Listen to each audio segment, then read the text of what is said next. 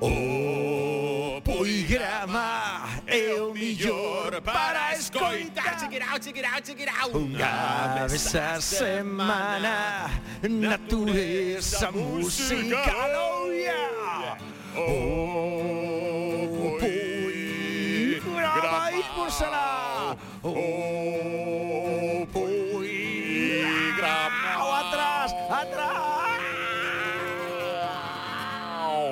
agua. E agora temos o, o coro, que non se ve, claro, porque a pantalla é grande, pero non pa tanto, que está aí nun fondo cantando isto que Moi ben, eh, que bonito é el amor. Sí. Cando se practica.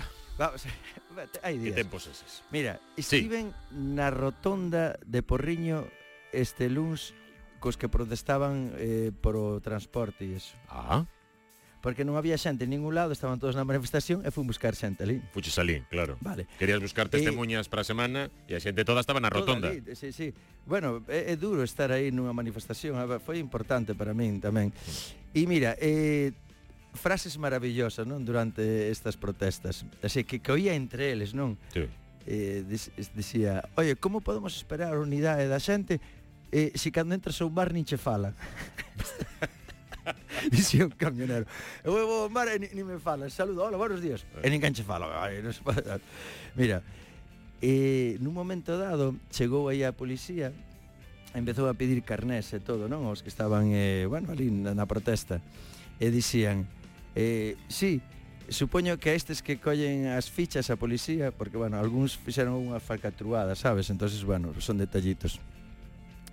E, e claro, dicía, digo, bueno, pois aos que colla a policía, aos que lle collan os datos, que sean os que lles baixe o carné, o sea, perdón, os que lle baixe o, os cartos do, do jasoi. Ajá.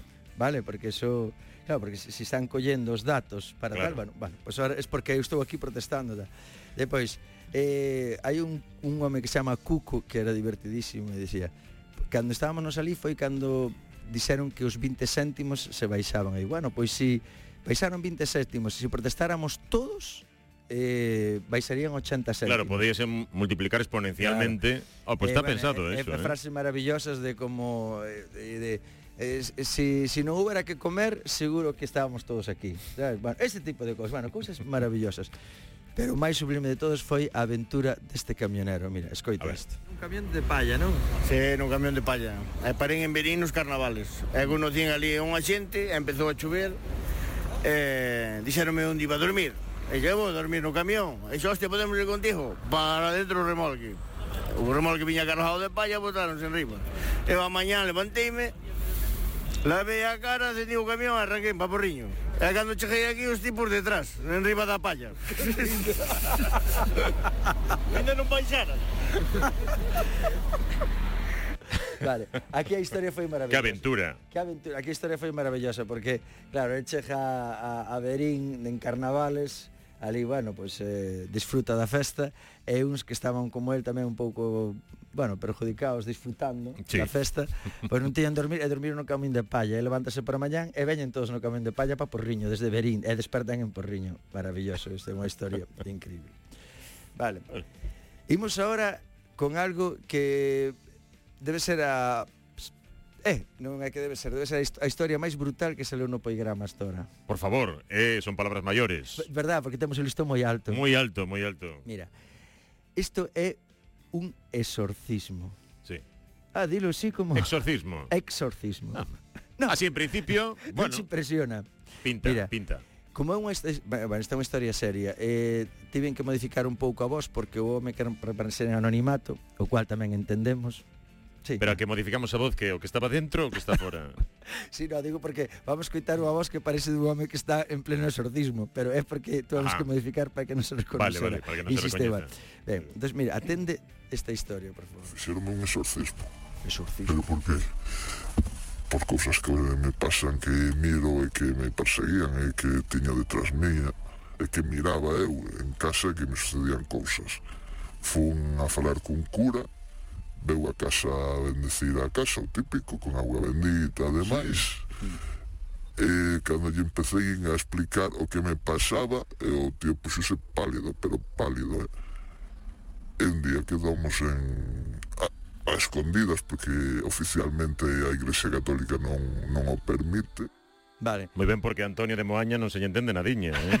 mm, está moi ben traballado isto. Sí, Antonio eh, eh, García no me de Moaña. Ficticio, no me ficticio, no te... Mira, bueno, aquí nos está contando que él eh, tivo que sufrir ou, ou tivo que pasar por un exorcismo, mm. porque lle pasaban cousas tremendas. Ben. Que é un exorcismo? Que se fai nun exorcismo? Esa é a primeira pregunta. Sí. Vale. Ah, vemos las películas Bien. Y aparecen bueno. nenas corriendo así. Cos, sí, así sí, para atrás, sí. ¿Has visto lo que arriba? ha hecho? La... Sí, sí. De el, tu poder, hija. el poder claro. de Cristo te obliga. Bueno. O que ven sendo un sábado de noite un adolescente. ah, Básicamente, que se ven urgencias básicamente. Claro. Os sábados. Ben, entonces el pasábanlle cousas que sa, sa veremos que cousas, escoitaremos que cousas e agora imos a escoitar o como se fai un exorcismo ah en medio, ahora, oh, un exorcismo sí, medio. Un exorcismo medio. Mm. Bueno, quedamos nunha igrexia X sin permiso da, da autoridade pertinente, o sea, do, da igrexia, digamos, extraoficialmente fixo, e eh, fixemos exorcismos. Bueno, primeiro foi unha... Bueno, hubo que confesarse, foi unha confesión normal e corrente, e despois sí que foi unha ceremonia. Non é un exorcismo como na tele, chamanlle outra cousa, pero bueno, é, unha, unha especie de exorcismo. Pero a ti que sentado, No, tumbado. no, se, sentado de rodillas, el de pé, en, en frente túa, imponche as mans en riba, empeza a letanía que el ten. E según iba pasando, ibas pasando efectos psicolóxicos ou non, eu non sei. Pero eu sí que notaba sí, iba... Cando lle fixeron hai tempo? No, no, isto foi o ano pasado. Ah, o ano pasado. O sea, este foi un exorcismo. Unha persoa de mediana idade, non? Este home. Sí, sí, e, con, e con estudios e con formación. Sí. Por eso quer permanecer no anonimato. Normal. Eh, eh... No, bueno, claro. Tampouco crees que se sea so exorcizado da familia nin, nin nada polo estilo. que che vai selando. Mira, vai un exor exorcitado, queres un exorcitado. A ver, non, non te rías porque no, Bueno, sí. Eh, no, no, pero penso, por exemplo, nas cosas prácticas. Ti sobes un autobús igual tes que pagalo dobre, por exemplo. Porque vas máis acompañado. Este tipo de cousas hagas que esteas vale. exorcizado xa completamente. Bien. De momento sabemos que este home fixeron un exorcismo. O exorcismo consistía simplemente en que está en confesarse e despois... Sí. Eh, un... Vale, e ora que sinteu el durante... Eu os... confésome e o que ia quedar exorcizado e a ser o crego. sí. Cando escoitar todo o que tiña que escoitar. E, asustado. Dai un parraflux. E ora vamos, imos coitar a que que lle pasaba a él? O sea, durante o exorcismo se tiña algún tipo de, de convulsión? Eu sí que notaba cousas. E casi caio para atrás. Xa eu estaba totalmente erguido e non me estaba deixando ir ni nada eh? o sea, non estaba sugestionado, ao contrario estaba pensando, estou facendo paro aquí. Non vai pasar nada e o que me está pasando non o vou arreglar. E conforme empezou a pasar sí que non mentei, empezaba a temblarme as pernas, pero a temblarme de, de fallarme as pernas. E quedar sin forza, sin forza, e incluso el, cando me estaba indo para atrás, agarroume, porque notaba que, que eu me iba para atrás, eh, e volveume a incorporar eh, e poñerme de, de novo recto. Ben, este é prim a primeira testemunha... Era consciente do que estaba pasando. Completamente. É a primeira testemunha que temos dunha persona que confesa que foi exorcitada, non? Un exorcismo, vale. Mm tuvo que ser un cura eh, en plan privado porque a Igrexa Católica non contempla ahora o Sergas non, non o Sergas, polo privado. Non, por Sergas non pasa. Sí. A mellor en Mafre sí que hai unha cláusula que por privado pode ser o exorcismo. Ben. E agora ven o que eu isto vai asustar de verdade en serio, vai a asustar, de verdade. No, en serio. A mí eh. estas cousas estou me rindo un pouco como no, reacción. No, rindo, dame moito medo isto. A mí pasa eu ríome como cando vou ao dentista, sabes? Pasa. sí, está. vale, vale. Sí, sí, sí. Ben, ahora, porque ahora o que vamos escoitar en serio, mm. uf, isto sí que asusta. Eu, eu de feito tiven tiven a miña dúbida se si compartilo ou non. Que dis? Eh, no, porque asusta, asusta, no, asusta ¿Sí? de verdade, non, sí, porque agora vai a contar por que lle, lle fixeron un exorcismo, vai a contar o motivo polo que o, sí, o, cura decidiu que había que facer practicar un exorcismo. Uf e pasaba de cousas moi extrañas e físicamente eh, chegaban a, a, dor, a estando dormindo chegabanme a, pues, a tirar a roupa da cama o chan eh, golpearme eh, non, non son músculos que se moven, eh, non, non. Recibir golpes, patadas, puñetazos, eh, que te saquen a roupa da cama e que notes que están tirando da, da roupa da cama. Non que te moves e che cae a roupa da cama, non, non. Algo aparece, algo que notas que achega a habitación e che colle a roupa de cama e tira dela. E que che golpea. O sea, non é, non é que mires nada, sino que físicamente eu non estaba desperto. O sea, que non, eu non estaba dormindo. Que fuerte. Eu estaba desperto e, e notaba esa presencia que entraba e, no, e notaba os golpes. De unha vez, de un brinco, porque foi tan forte no, no fígado que uh. eu me levanteime da, da dor que me provocou. Porque o espírito que entra non podía limitarse en quitarse a roupa, porque, bueno, é unha cousa que levo desexando dende moito tempo. Pero claro, das patadas... No, agora en serio, eh? No, agora Isto... en serio, no, a ver... Isto eh... é moitas risas, moito no, tal, eh, pero que che pasa a ti? No, claro. no, no, a ver, er, er, bueno, rirse tampouco implica falta de respeto. No, no, no, no. no é, é, a, é a reacción lóxica. É a reacción lóxica ante, bueno, e cre...